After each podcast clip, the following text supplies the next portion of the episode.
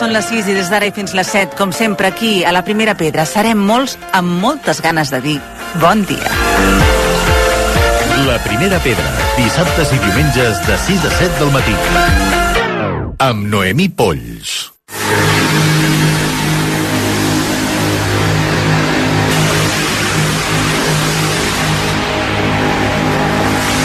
Obrir-se pas en el món de la dansa no és fàcil. Ens agrada seguir les passes de ballarines amb ganes de submergir-se pel món creatiu de la dansa. La Núria Guiu ha treballat de ballarina amb companyies internacionals molt potents i l'any passat va rebre el Premi Nacional de, Catal de Cultura 2022, que és aquesta distinció cultural més prestigiosa de Catalunya. I del 24 al 28 de gener, és a dir, d'aquí pocs dies, podem veure el seu darrer treball creatiu al Mercat de les Flors. Supermedium. Núria, bon dia. Bon dia. Que contents estem de tenir-te aquí, perquè, de fet, eh, explicar dansa en ràdio es fa difícil i tenia moltes ganes de parlar-ne amb tu. És difícil parlar de, de dansa, parlar, no veure-la. Potser és més fàcil ballar-la, però també en podem parlar. I tant, i avui és el que farem perquè a més a més a Núria està estudiant antropologia i, i hi ha una relació especial entre l'antropologia i la dansa, no? Sí, jo trobo que sí, que estan molt connectades. L'antropologia sempre es valora molt el coneixement, a banda del coneixement teòric, aca- acadèmic, no? dels llibres, es valora el coneixement de l'experiència i què millor que una ballarina de tenir una experiència, però l'experiència sempre passa a través del cos en relació amb el món, amb les persones.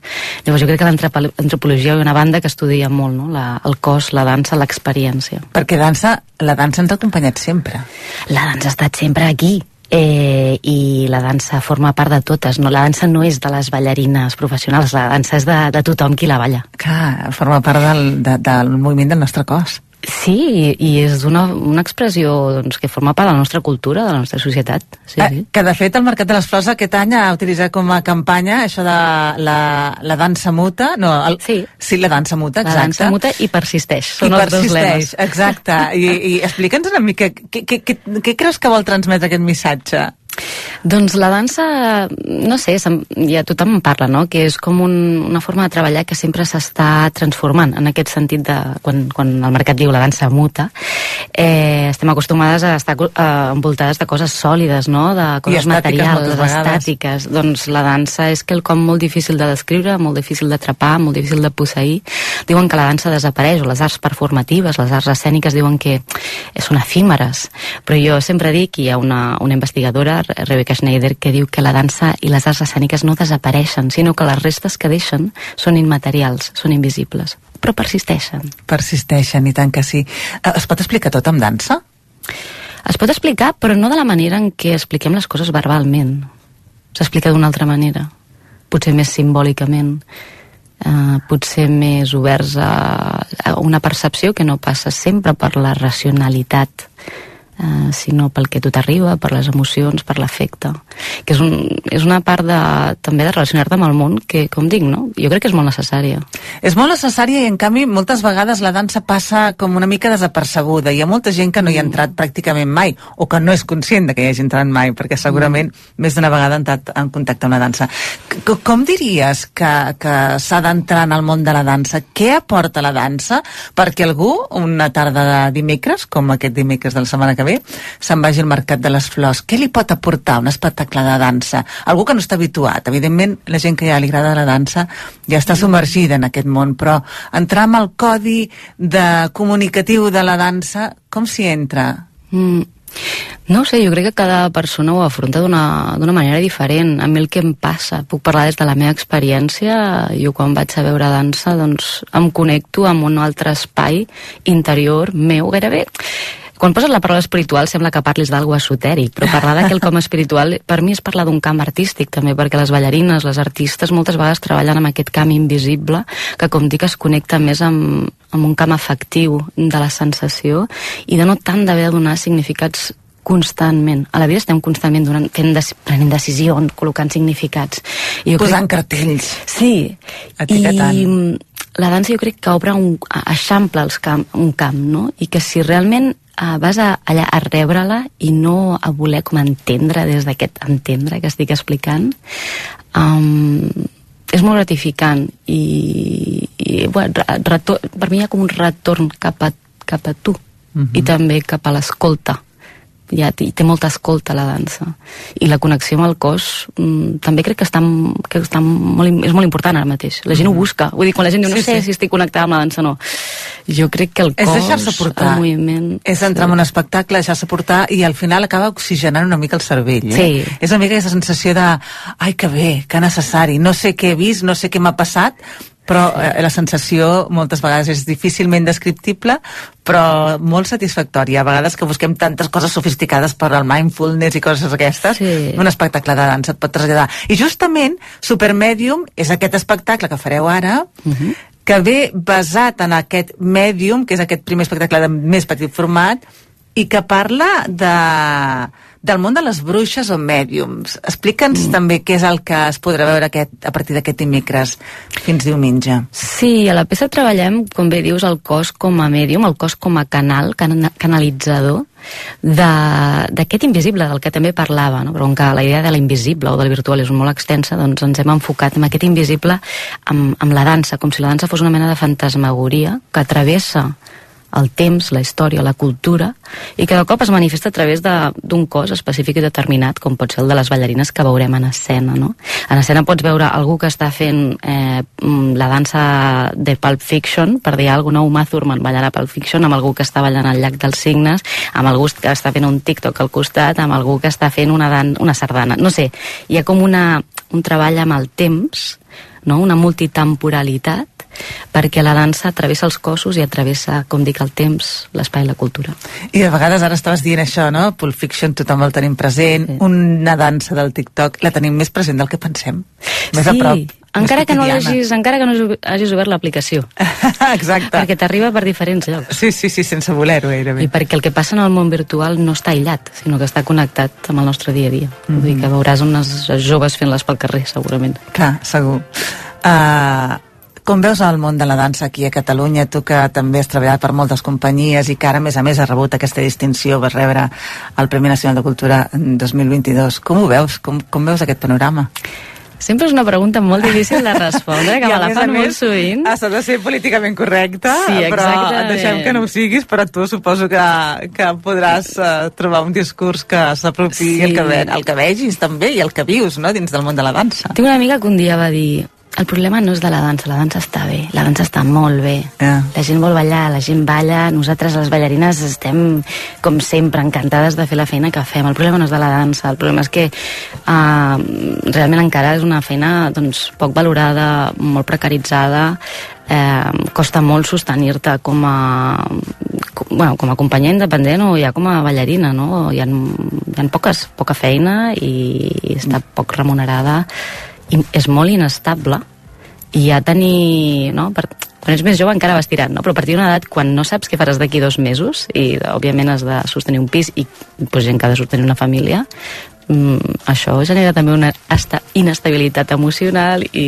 No? Clar, i una falta de poder dedicar al 100% en tots els sentits, mm. que a més a més és una, una feina també molt, molt sacrificada, és a dir, mm. no pots deixar de ballar perquè si no el cos no respon igual, suposo, no?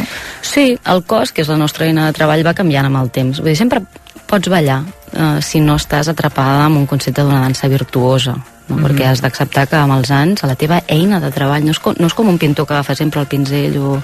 Bueno, també la mà també fa com pintes. Suposo que el cos sempre està en relació. I cada vegada reivindica més aquest pas del temps també en el món de la dansa del, i el canvi dels cossos, no? Ja mm. no estem tan estereotipats amb aquells cossos tan prims, tan entregats a la musculatura, sinó que va, cada vegada la dansa admet més aquest pas del temps, no? Està més oberta, la veus així?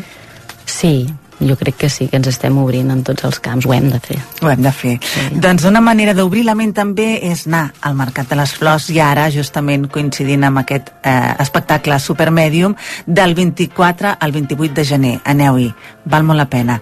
Núria, moltíssimes gràcies per haver estat aquí. A vosaltres, un La primera pedra, dissabtes i diumenges de 6 a 7 del matí, amb Noemí Polls.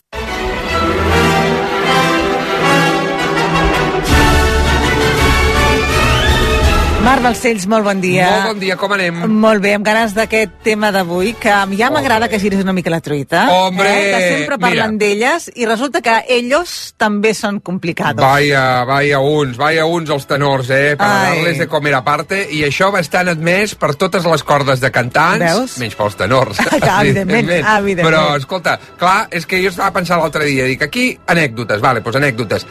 Amb quines disfrutem més? On mor gent o on la gent es baralla? Però em vaig adonar que on moria gent morien tots els homes i on la gent es barallava eren tot dones. I vaig Veus? dir, s'acabó. No, no, això ho hem de girar. Avui, ara hauríem de posar aquí la sintonia de Juego de Tronos i tal i qual, perquè precisament parlarem d'una mena de joc de trons que va passar al Metropolitan de Nova York a partir del 2 d'agost del 1921, que és quan aquest pobre senyor la palma.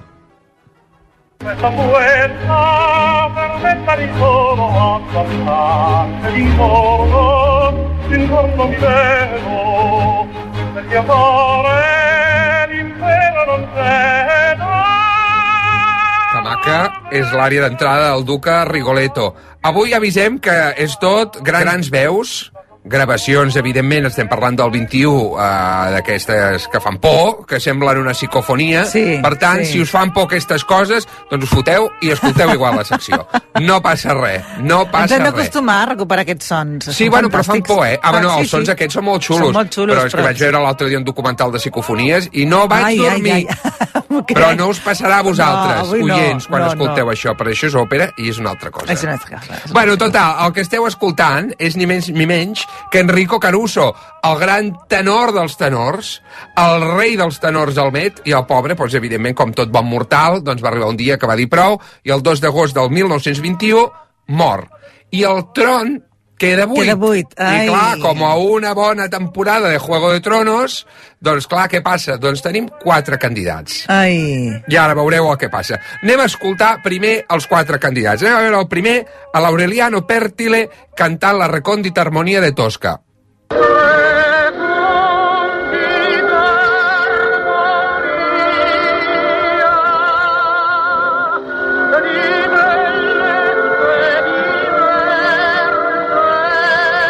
Que aquest so també déu nhi eh? Aquest també és antiquet, antiquet, eh? No, no, clar, aquí tots Sí, sí, eren de la mateixa quinta, aquest. vamos, unes, unes, unes pimpolles. Clar, és que estem parlant... Els quatre. Estem parlant d'en fa molts anys. Però bueno, que interessant és el que deies tu, són aquests documents per, per Sí, realment sí. escoltar mil coses, perquè no és només el tema de la veu, és el tema de com es cantava, com s'inflexionava, Sí. com s'actuava també amb eh, la veu, que com es gravava...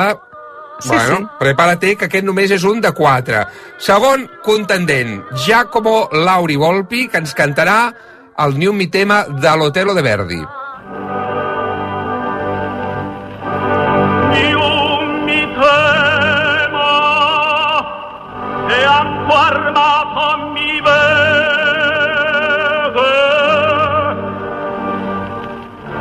Bueno, perquè el tenim. Aquest com que l'escoltarem més, ara us diré per què. Vamos al siguiente. En Giovanni Martinelli, que ens cantarà el Vesti la Juba dels Pagliacci de Leon Cavallo. Bravo quella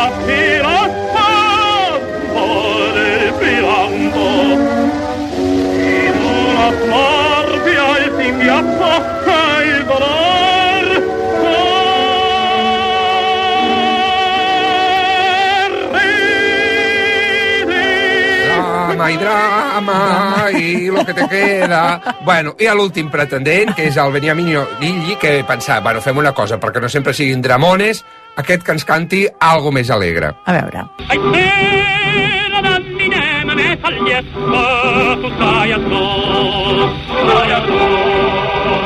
Addosso addosso con un grado più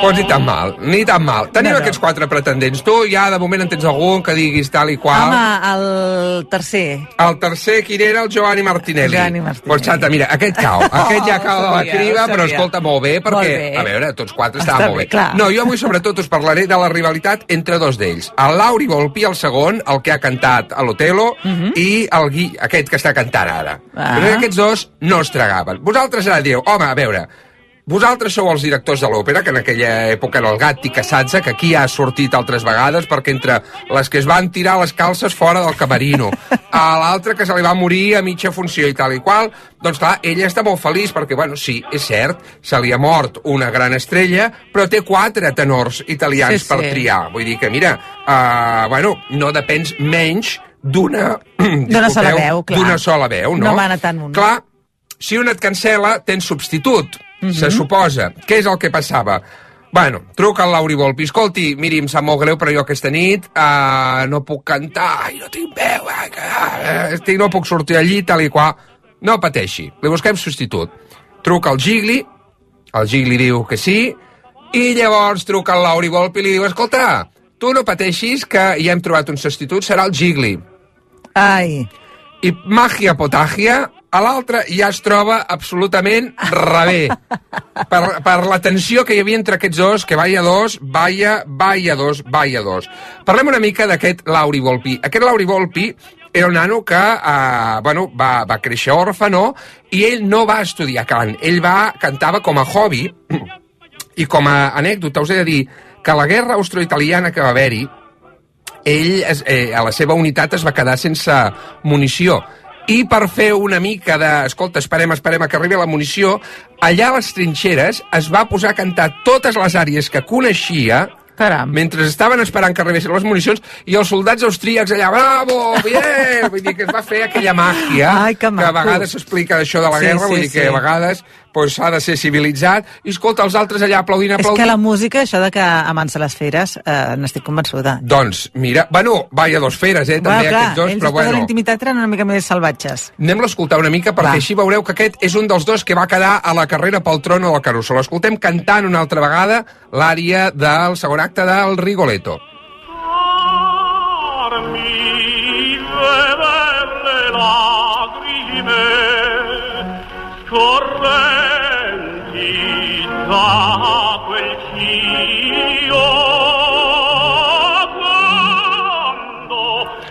La veu és preciosa. Fantàstica. I la veritat és que ja he anat buscant gravacions aquestes d'alta qualitat, de que no hi hagi aquest gra i tal i qual. Bueno, però el tema és que, escolta, amb l'altre no es traga. Fins al punt, arribem al moment que sé que us agrada a totes i a tots, que és el de la tirones de, de peluques i patades i tot això, fins al punt que davant del mateix Met, ple de periodistes, es barallen en públic.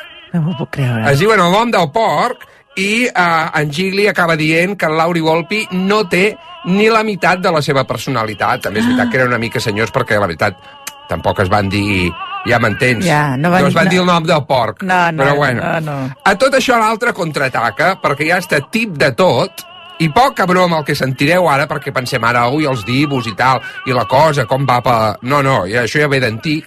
El Lauri Volpi li diu al Gatti Casats, el director del Met, si tu vols que canti aquí, o canto cobrant més que l'altre, o vamos, va cantar tu prima.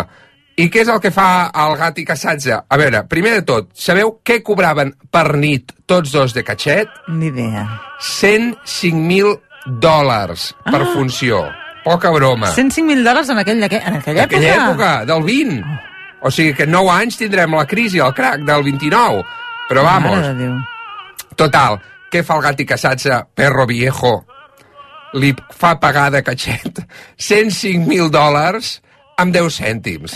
Llavors, doncs ja ho vam tenir solucionat i ja la cosa va estar acabada. I, bueno, a veure, no va quedar mai clar qui va ser tècnicament el substitut del, Però no del calia. Caruso. No, no caldre, calia, no, va calia. caldre. Ja, bueno. es van enfrontar tant que ja vam tenir espectacle per altra banda. Ja ho veus, hem tingut de tot. Hem tingut guerres, hem tingut bronques, hem tingut quatre pretendents, dos que han caigut, un d'ells el teu, però no passa, però ha sigut el primer. res. Jo ja sabia la solució, però aquí el Sí. tema és que cadascú li agradi el seu i ho gaudeixi. Sí, senyor. És així. L'òpera ja és així. Pim-pam. Doncs mira, ens Ells també es barallen. Exacte. Ells també. Però, perquè no ens acusin de favoritisme, et proposo acabar escoltant la veu de l'altre. Ah, molt bé. Això Sí. em sembla molt equitatiu. 50-50. Ha sigut molt maco aquest final. Nosaltres no volem tenir res a veure amb aquestes baralles, que es barallin estem, ells, i mira... estem per sobre dels divos. Mans home. netes i senyor. pau, Clar la que bandera sí. de la paz. Molt bé, doncs escolta'm que acabis de passar un gran dia. Adéu-siau. Molt bé, adeu. Oltre vicino alla sole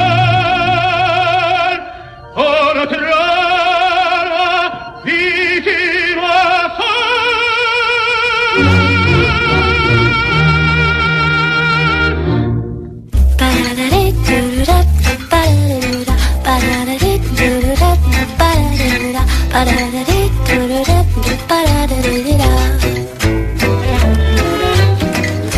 La salut mental és fonamental. Si el cap no va, el cos normalment tampoc. La intel·ligència artificial pot ajudar a democratitzar l'accés a la salut mental. Una nova aplicació de nom Brain, eh, que no sé, ara ens corregirà si és Brain o en català podem dir-ho també Brain, combina el coneixement de psicòlegs, experts i els últims avenços en intel·ligència artificial per avaluar la salut mental de les persones i d'aquesta manera de determinar si és necessari acudir o no a un professional sanitari.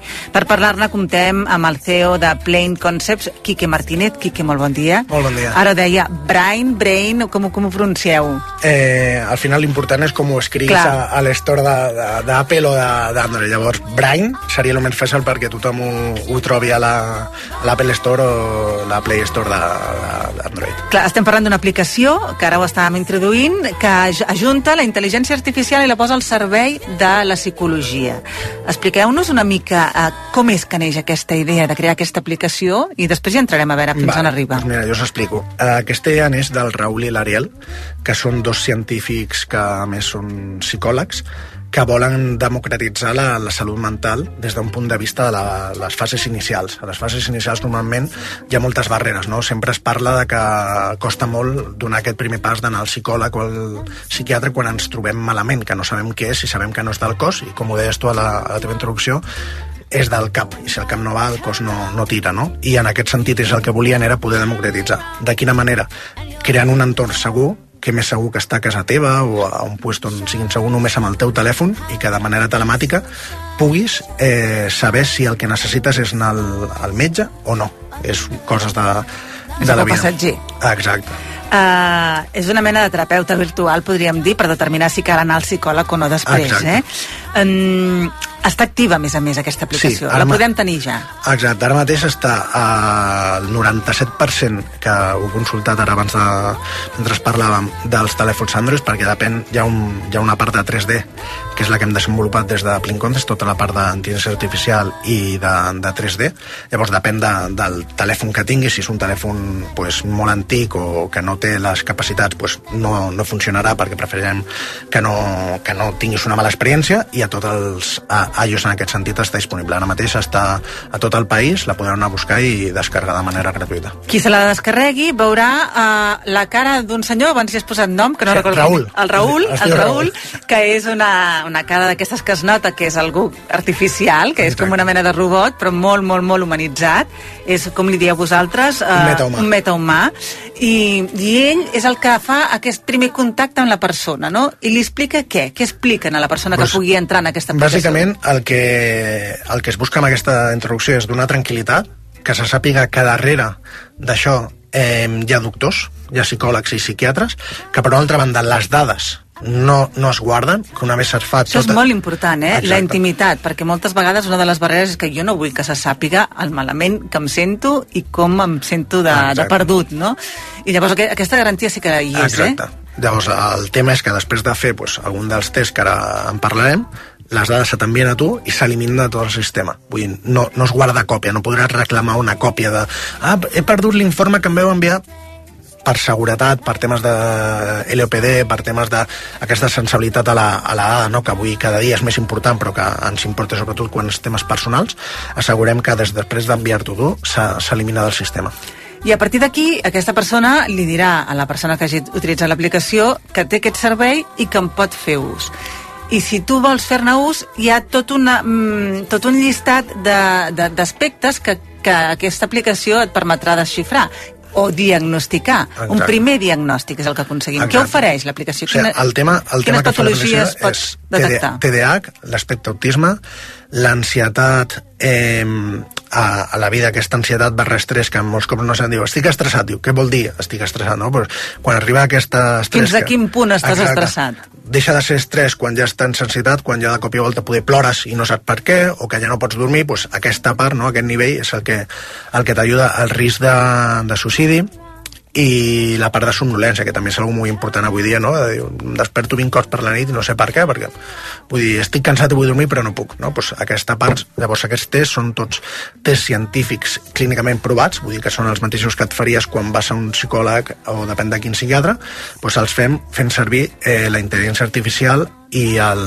i el component del Raül, que és el Metoman 3D, per aquesta part més humana, perquè no sigui un xat, no? Avui dia doncs, el tema d'explicar per xat és com molt complicat, no? Explicar-li com et trobes escrivint-li per WhatsApp, poder estàs acostumat amb alguns amics, però si és una cosa que parles de la teva veu i l'expliques amb llengua natural, com tu i jo estem parlant ara mateix, doncs és molt més fàcil i molt més còmode per, la, per les persones. És un test que està validat eh, després per psicòlegs, és a dir, Exacte. que primer passa per aquest filtratge que és totalment eh, màquina i tu, però després hi ha uns psicòlegs que ho avaluen. El, exacte, el, el, el funcionament és tu fas el test amb el, amb el Raül fent servir el teu telèfon amb uns AirPods, sense l'AirPods, amb l'altaveu, com vulguis, però parles durant 5-10 minuts. No és escrit, eh? És parlat. Et Po, per... Si vols escriure pots, però de, de, de base és parlat, perquè és molt més còmode i fas servir un llenguatge molt més natural de com et trobes. Segur. Perquè quan estàs passant a l'escrit està demostrat que ja estàs buscant el, el què, ja estàs buscant què estic dient. Si estem I es parlant... dades moltes Exacte. vegades, també. Llavors el tema és una conversació com la que estem tenint nosaltres, llavors dura entre 5 i 10 minuts, depenent del test, depenent quina patologia estiguis tractant en aquest sentit, imaginem somnolència, quan acabem aquest test, aquesta informació que, que fem servir és la part que ha fet eh, la gent de nosaltres, no? des de Plain Concepts, el model de fent servir ChatGPT, OpenAI i els últims models LLM d'intel·ligència artificial, bàsicament és convertir aquesta informació d'una manera que el diagnòstic li arriba a un psicòleg, un doctor, per validar que el que es diu és, mira, pues, el tema és que no et preocupis, és el dia a dia, descansa, respira, intenta desconnectar, fes activitats eh, a, a l'aire lliure i et trobaràs millor o no, no. Signar per Requereix. un- requereix de que vagis a un metge, que li expliquis com et trobes i a partir d'aquí començar un, un tractament. Uh -huh. Però el tema que el que et donem és aquest eh, primer cribat de dir certificat per un doctor que al final parles amb un metahumà, però darrere hi ha humans que et certifiquen que o estàs bé, estigues tranquil, o hauries d'anar d'això perquè et trobaràs millor tractant i trencar aquesta barrera, no? Que és el primer pas. Un cop ja has fet això, de normal ja, ja has fet el primer passet, que és el que més ens costa a tots, que és, una, parlar-hi del tema salut mental, i dos, donar el primer pas i parlar amb algú del que ens trobem dins, no? el que ens passa pel cap, de que ens està fent a, angoixa, eh, tota aquesta part és la que, la que es fa amb aquest primer cribat. I amb un primer diagnòstic ja es pot anar, que té validesa clínica, i es pot anar fins i tot a la Seguretat Social, etc etc. De totes maneres, aquesta aplicació és gratuïta, però els tests sí que tenen un cost. Ah, exacte. Però són un cost molt menor que si tu fas el pas d'anar amb un professional directament i que a vegades són, són diagnòstics que són bastant cars. Sí, aquí, quan parlem de democratitzar, no és la part només d'eliminar la barrera mental, física d'anar al, al metge. És la part de que avui dia et pot, et pot arribar a costar fins a 600 euros diagnosticar, per exemple, l'espectre autisme amb una persona, amb un nen o amb un, amb un adult aquests 600 euros, clar, al final doncs, les clíniques han de guanyar la vida, tenen una estructura, escala d'una altra manera. Quan ho fas tot en digital, escala d'una altra, que vol dir que ara de- podem democratitzar també amb el preu. Amb el preu vol dir que per 19,95, que és el que costa ara fer aquests tests, tens la mateixa validesa, perquè tu acabes signant un doctor que està darrere realitzant tot l'examen que, amb les preguntes que t'han fet, però que t'has estalviat tota l'altra part, tota la consulta, les infermeres, la persona que està a l'entrada, tota aquesta part t'estalvies. Llavors, per això també democratitzes, fent servir la tecnologia d'una manera que t'estalvies tota l'estructura que de normal tindries pues, aquí al centre de Barcelona en una clínica. De fet, hi ha empreses que ofereixen en els seus treballadors aquesta aplicació amb aquests costos també assumits per l'empresa perquè la gent tingui més facilitat també de- d'arribar a aquests serveis psicològics. Sí, això és un, una tendència que, sobretot als Estats Units, ja és molt en el dia a dia, que és la preocupació per la salut mental. Cada cop més eh, veurem aquí a, a, al país eh, com les mútues, les clíniques, inclús empreses que es dediquen als beneficis socials pels treballadors, li donen més importància a la salut mental perquè fins fa uns anys era un tabú a tot el món i cada cop està sent menys tabú perquè és molt important, ho deies un, un, un altre cop a l'inici, no? Vull dir, si el cap no et rutlla, no, no rutlla res. Mhm.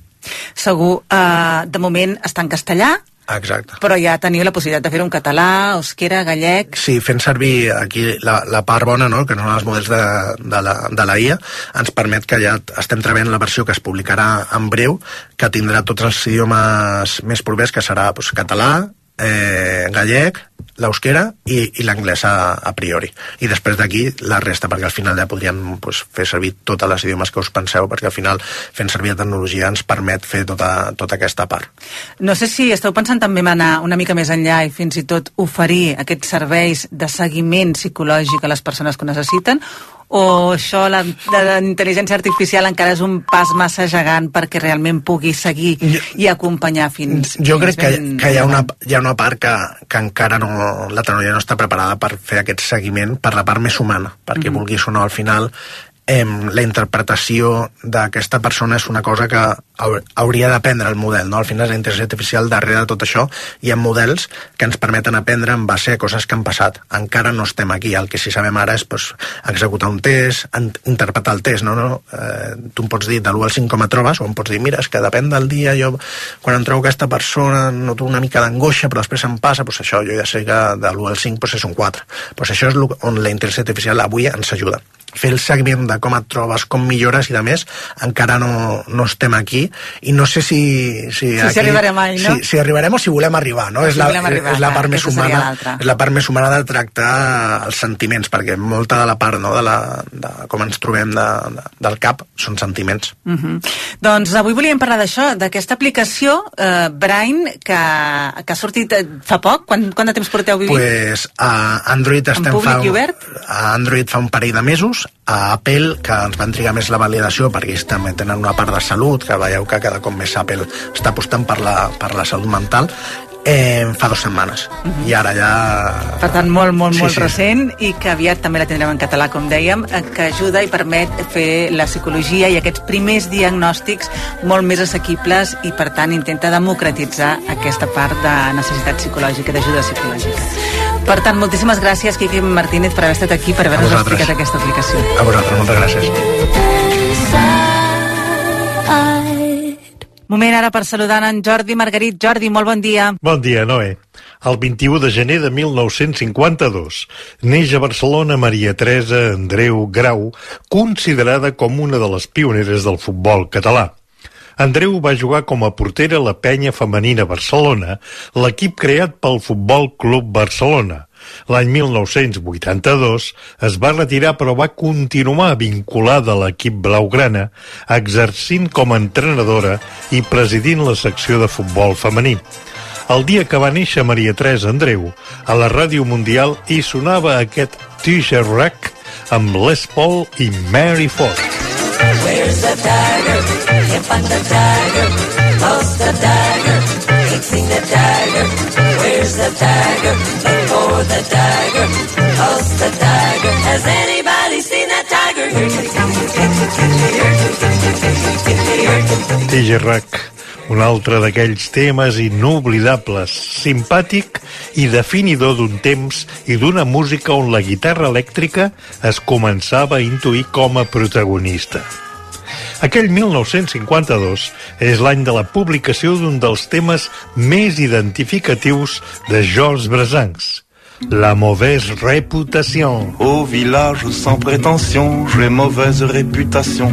Je me démène ou que je reste quoi, je passe pour un je ne sais quoi.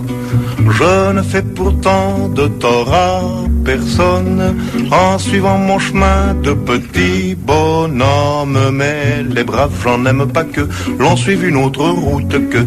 Non, les braves, j'en aime pas que l'on suive une autre route que. Tot un manifest de l'inconformisme que se sentia per primer cop i en un idioma tan proper. Se n'han fet moltes versions, com la de Paco Ibáñez, Loquillo, Sole Jiménez i també en català per Liliti Dionís. El 1952, la ràdio ja havia incorporat de ple les falques publicitàries. Sentim a Ràdio Lleida que aquest mes està d'aniversari amb una falca de xocolates lloberes. Queremos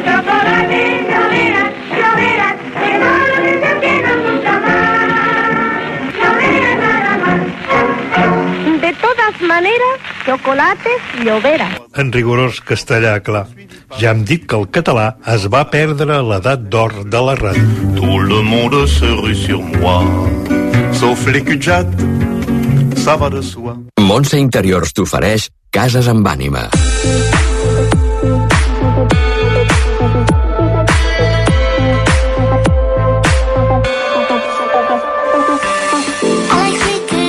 Il·luminar a casa nostra pot canviar totalment el seu aspecte. De fet, il·luminar i fer-ho bé pot eh, generar tota una escenografia diferent. Avui en volem parlar amb la Queta Champeny. Hola. Queta, molt bon dia. Molt bon dia. Benvinguda. Posem llum a la foscor avui. Ai, sí, Home. posem llum a la foscor, mai més ben dit. Sí, sí, sí. I, I escolta'm, és que realment acaba sent escenògraf. Home, com fas? jo crec que l'ànima de les nostres cases depèn de la llum. De la llum. Eh, he Ho parlat amb la Júlia Casals, que és interiorista i decoradora, i, i ella em deia, és que una mala il·luminació t'arruïna un bon projecte, eh? Del, del qual, o sigui, així de clar. I a tots ens ha passat, de fet, és que eh, jo crec que en el, en la, en, parlàvem també de la neuroarquitectura i així, com ens afecta, és que inclús et pot posar malalt una, una mala il·luminació. Jo estic segura que en aquests, quan hi va haver allò que parlàvem dels edificis malalts Sí. i tot això, aquestes llums d'oficina gran, Fredes. freda, que, que, que sempre hi ha una que fa pampallugues, Sí. allò, jo crec que 8 Ah, hores sí. exposat en aquell espai, Tens tota la estàs raó. malalt, malalt. Nosaltres no volem estar malalts, sinó tot No, el contrari. Volem no, que casa no. nostra sigui reparadora. Exacte, que ens sani, que ens sani. Sí. I per tant utilitzarem i jugarem amb la llum com I hem tant, de ser. Com i ha de ho farem ser. bé. Ho jo, farem bé. A veure, va, per fer-ho bé, pautes. sí, Queta, he parlat, com us deia, amb la Júlia Casals, que podeu seguir la seva feina a la seva web juliacasals.com. Ella és uh, decoradora, interiorista, com us deia, i té un estil molt elegant, molt clàssic, un clàssic contemporani d'aquests que no passen de moda, crea uns espais confortables, amb línies molt netes, molt càlides, i la llum i, i és un, un dels temes, com us deia, que, que és vital per ella. No? Uh, li he demanat que ens digués, uh, que ens expliqués alguns dels errors més comuns que es troba ella uh, uh, en, en casa que visita, no? i com uh, podem uh, mirar de- d'evitar-los. Val? D'entrada, ella ens posava molt la, a, a, el, focus, i mai millor dit, amb això que dèiem, que, que al final quan estem il·luminant un espai estem creant aquesta escenografia, no? Que tinguéssim clar molt, molt bé eh, quin és l'aspecte, o sigui, quins són els usos que hi haurà a cada espai, perquè això és el que ha de, ha de definir uh, com serà el disseny de la llum d'aquell espai, no?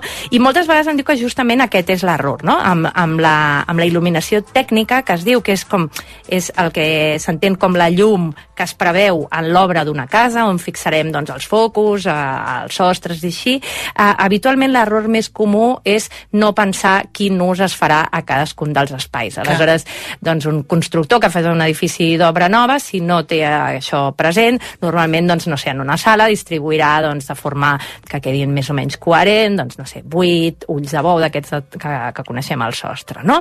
O a l'habitació principal, o al lavabo, no? Doncs els, els posaran a la zona central, que siguin més o menys a una distància doncs, mm, proporcionada els uns als altres.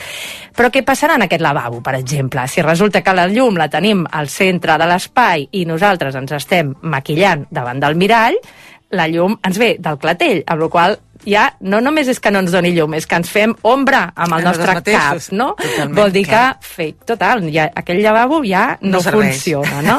Aleshores, hem de, hem de ser com molt curosos en, en pensar aquest espai, val?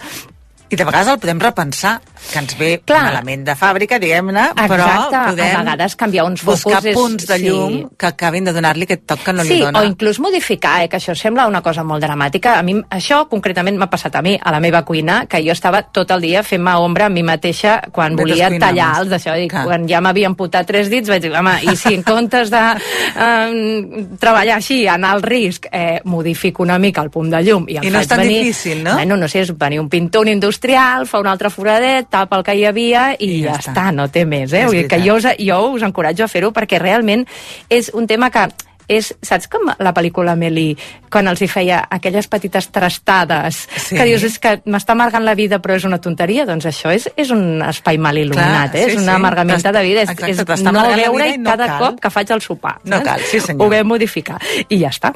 Vull dir que eh, ell em deia alguns consells, doncs, per exemple, Va, al sí. menjador, ell ens recomanava, si estem ara encarant doncs, un, un canvi, una obra a casa nostra, ell ens deia doncs, apostar per llum indirecta, que ara es fa molt a tota la cornisa, a, a les motllures mm -hmm. s'il·lumina aquesta...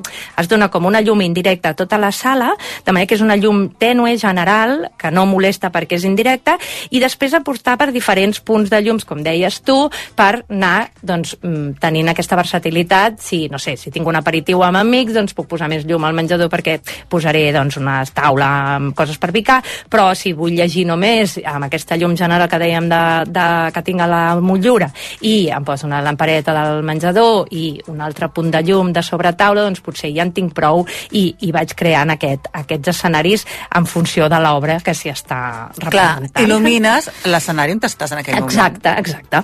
I uh, important també, un consell de cara a la taula del menjador, que això normalment, no?, aquestes llums de sobre taula, moltes vegades es tendeixen a posar massa elevades. Ella em diu que 65 centímetres o 70 de terra és l'alçada perfecta. Ah. Per què? Perquè si no, mentre sopes, tu veus la llum directament. I més que un sopar sembla un interrogatori d'aquests de les pel·lícules de, de policíaques, no? Aleshores ens deia això, que justament la làmpara ha de quedar a l'alçada dels teus ulls mentre estàs assegut, val? no mai més amunt del teu cap perquè si no molesta molt.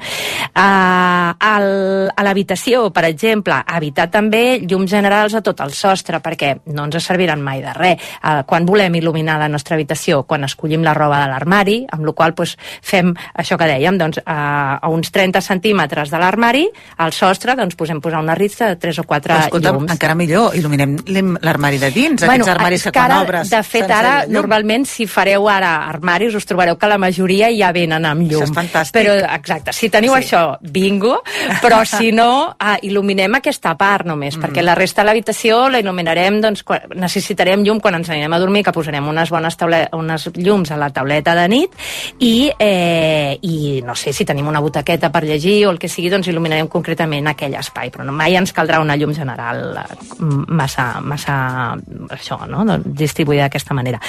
Al bany, que em dèiem abans, aquest, aquestes llums han d'anar entre l'espai que queda entre el mirall i la pica, val? perquè allà és on necessitarem nosaltres potència de llum, doncs perquè eh, quan ens mirem al mirall volem doncs, maquillar-nos, rentar-nos bé la cara, veure si ens ha entrat una pestanya o, mm, no sé, o remenar-nos un granet que ens ha sortit això, no? Aleshores hem de, hem de tenir aquesta llum davant i no al clatell. Val? Mm -hmm. I després s'està posant molt també, aquesta, com amb l'efecte aquest que parlàvem del menjador, aquesta llum també com general de bany, però molt tènua, molt indirecta, i aquest, el, el sentit d'això és quan ens aixequem a la nit i mm, vas al bany i, i no necessites encendre tota el les llum, quedar-te sec Sí. i d'allò, sinó simplement no, la llum suficient per no mm, entreposar-te i donar-te allò un, un, una pinya. Per no caure, per no caure. o portes... El... Jo, per exemple, ara em trobo que tinc una filla petita i a vegades te, te trobes que t'has d'aixecar a la nit i portar-la al bany, aleshores és llum, ideal, no? I a mi no m'interessa gens desvetllar-la, no? Clar, clar. Però veure-m'hi fins a tinar el vàter sí, no?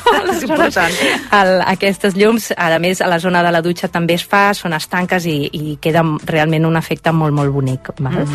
I amb això jo crec que ja teniu, sí, Sí, senyor. una mica de deures Si per mirar no, a casa, exacte, veure... revisem la llum de casa nostra. Sí, i a més jo crec que és, que és un bon exercici perquè a vegades, això que us deia que a mi m'estava passant, no? Són petites incomoditats amb les quals vas eh, Convivint. convivint, però que et fan molt la punyeta, i quan les canvies dius, ostres, era una tonteria, no? I mira que bé que estic. I mira que bé que estic. I cuidar l'ànima de la nostra Ai, casa sí, és això. amb la llum també ho farem. Doncs sí senyor, avui hem après molt. Eh, Queta, com sempre, gràcies. A vosaltres, bon dia. La primera pedra. Dissabtes i diumenges amb Noemí Polls.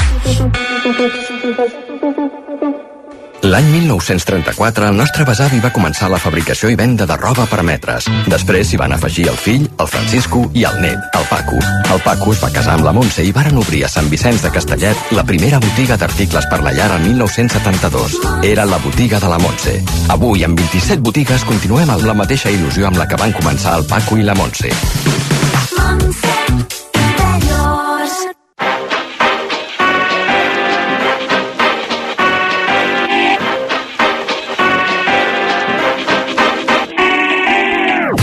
Joan Maria Morrus, bon dia. Bon dia. Què tal? Bé. Sí? I tu? Bé, també. Avui hem dit que, que no toca sèrie... Tocaria sèrie televisiva, Tocaria te- sí. però ens quedem La asseguts. setmana que ve farem dues. Exacte. Què et sembla? Em serà molt bé.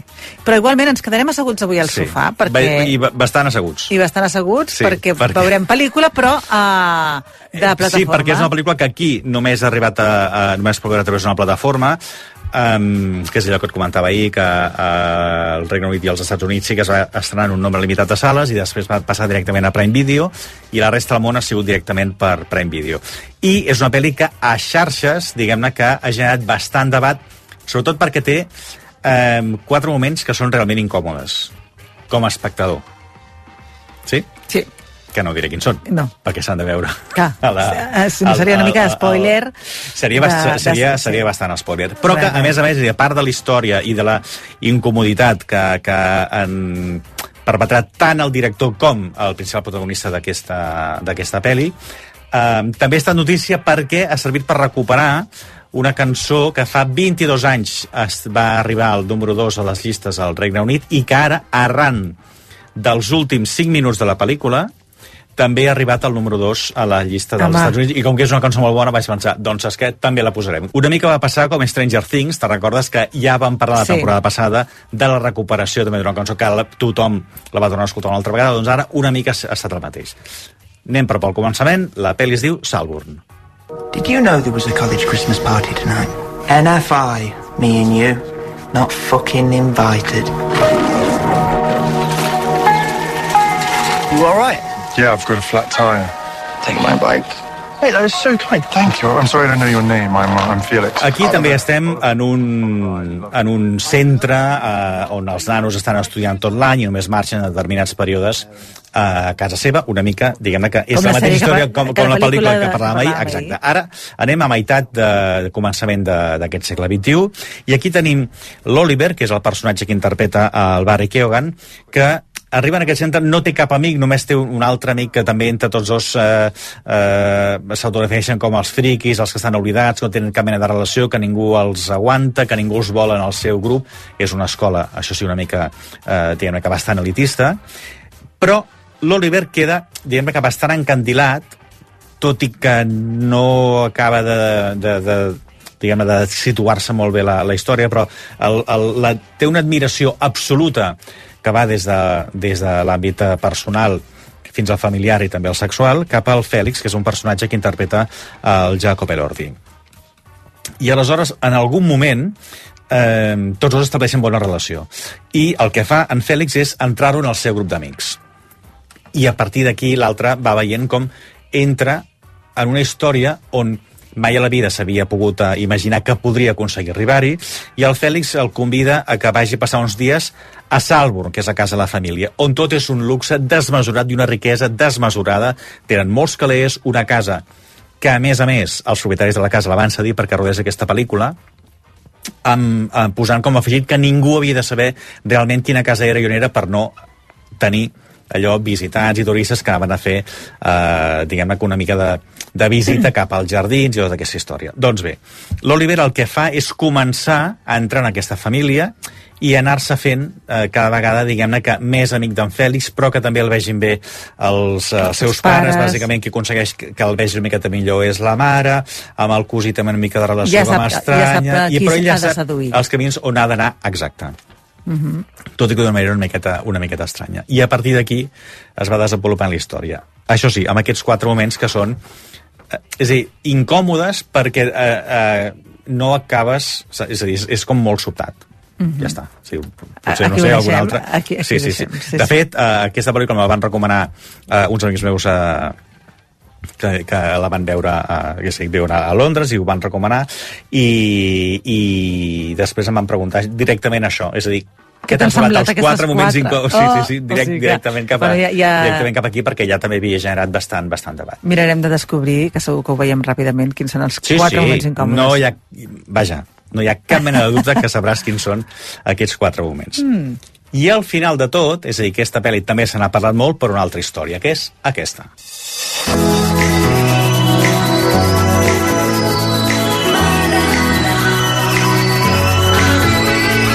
murder on the dance floor. You better not kill the groove, DJ. Gonna burn this goddamn house right down. Que aquesta és una cançó que eh, va sortir el 2000-2002 i que en aquell moment va arribar al número 2 a les llistes dels, del Regne Unit i que es va situar també en posicions altíssimes de la majoria dels països on es va estrenar la cançó de la, de la Sophie Elix Baxter. I ara què ha passat? Que als últims 5 minuts d'aquesta pel·lícula fan servir aquesta cançó en un moment que també és... Eh, aquest sí que no et diré que és incòmode, sinó que és una miqueta més, Sorprenent. és una miqueta més divertit, també. Està bé. I eh, així com un dels... Eh, no, això no és spoiler, perquè ell, ho, és a dir, l'actor ho ha explicat en, en entrevistes.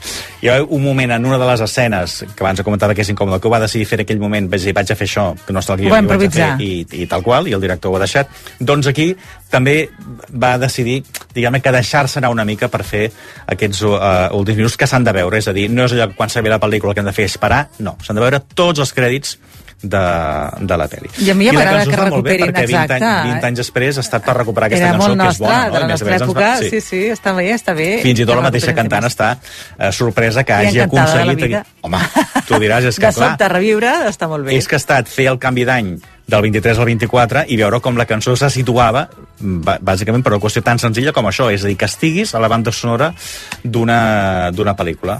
Està molt bé. Sí. Doncs ja tenim pel·lícula, Què et- què et sembla? un cap de setmana de cine, mai Sí? més ben dit, però aquesta vegada l'hem mirat a dir, des si la, de- la, plataforma, la, de, eh? si, I si la d'ahir era com molt suaveta, aquesta és, És allò més- que et dic. és més heavy. És un, és un, un pèl més... més un pèl transgressora. heavy, sí, sí, sí, sí, Doncs està bé, està bé. Una bona combinació. el director Emerald Fennell i a part del uh, Barry Keoghan i del Jacob Elordi també surten, hi ha grans noms, hi ha la Rosa Montpic per exemple, el Richard E. Grant que fan de la mare i del pare i també hi ha la Carey Mulligan que és una amiga de la, de la família que est- també està per allà i també surt el Paul Rhys que és el majordom, és a dir que déu nhi també amb el cartell de, de la pel·li Salburn, uh, Prime Video i, i a, veure, a veure opinions Doncs uh, ja t'ho direm, a veure què tal. Que vagi molt bé. Fins la setmana que ve. tinguis, Que tinguis un bon final de cap de setmana. igualment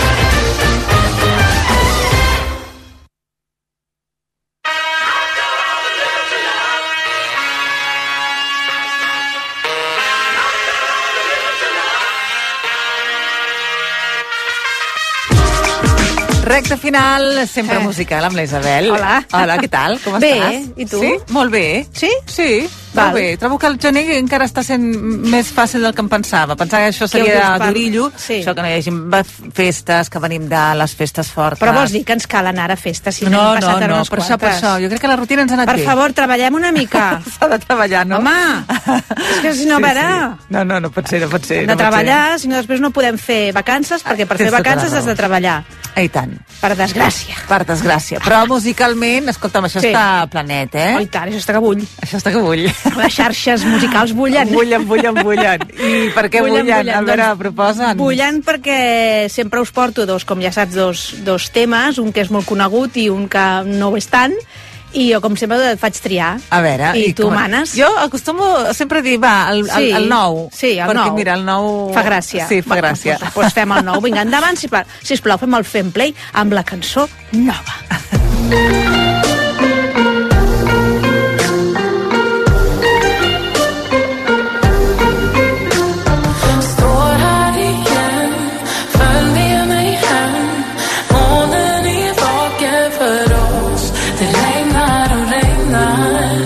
Totalment desconeguts, eh, sí, per mi. Sí, sí. Però sonen bé. Sí, oi? Mm. Et sona l'idioma? A veure...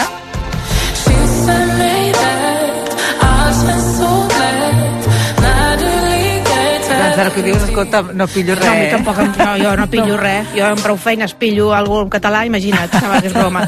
Eh, es diu Molly Hammer. És què canta? sueca. Ara... Té puntets en anglès, però aquesta, aquesta cançó íntegrament, hi ha unes, ara canta en anglès, però és tota sueca. I m'ha fet molta gràcia, perquè Per què? el títol es diu Regnar och Regnar, i quan ho he buscat, què volia dir Regnar och Regnar? I què vol dir? Vol dir plovent i plovent. Ah, mira. Dic, mira, que és el que ens fa falta.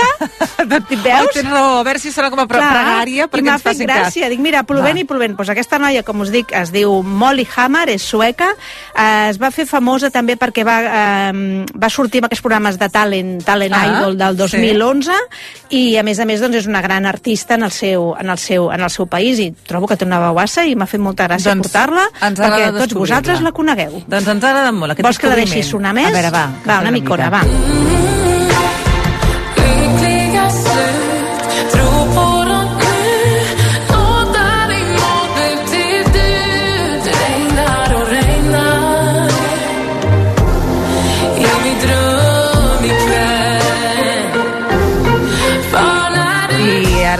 Poses una que ja t'ha descobert Spotify, però que Sí. no era cap descoberta, No, perquè... no, no, no, no, no, no, no, no, no, no, no, no, era molt descoberta. Justament es va descobrir, justament, el 2003, aquesta cançó. Ah. És a dir, fa, fa res, fa 20... Quin, quin any estem ara? Estem al 24, Doncs Isabel. el 24, ja no sé ni, ja no sé ni restar. 21, 21. gràcies. M'ho han xivat L'Oriol. Estic, és que soc Estem molt, una mica soc dolenta, avui. soc molt dolenta, eh, números. Doncs mira, 21 anys Doncs fa. 21 anyets. Va, A la veure, posem, sí, a, veure què, home. a veure què et passa pel caparró. A veure, a veure. Endavant.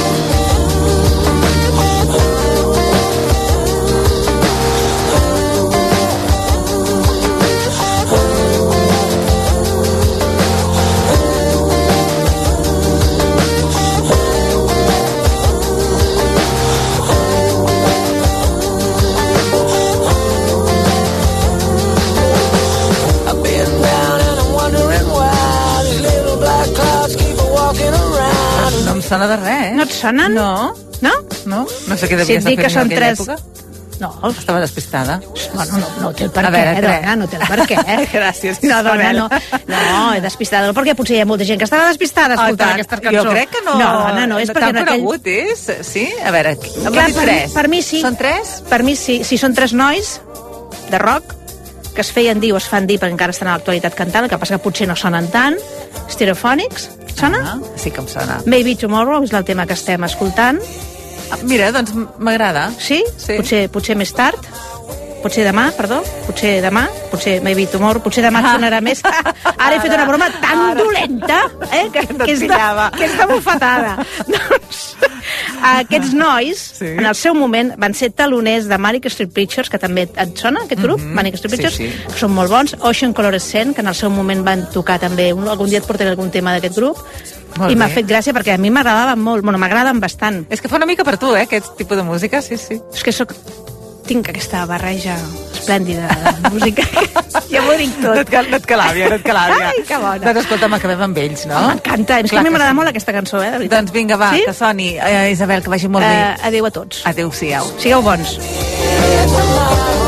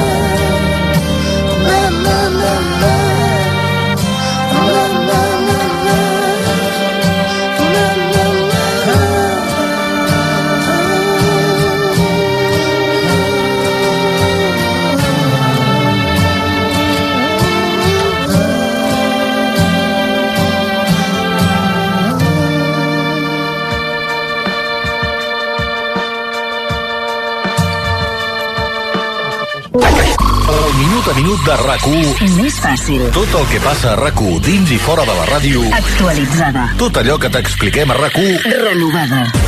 RAC1.cat, el portal de notícies de RAC1. Escolta,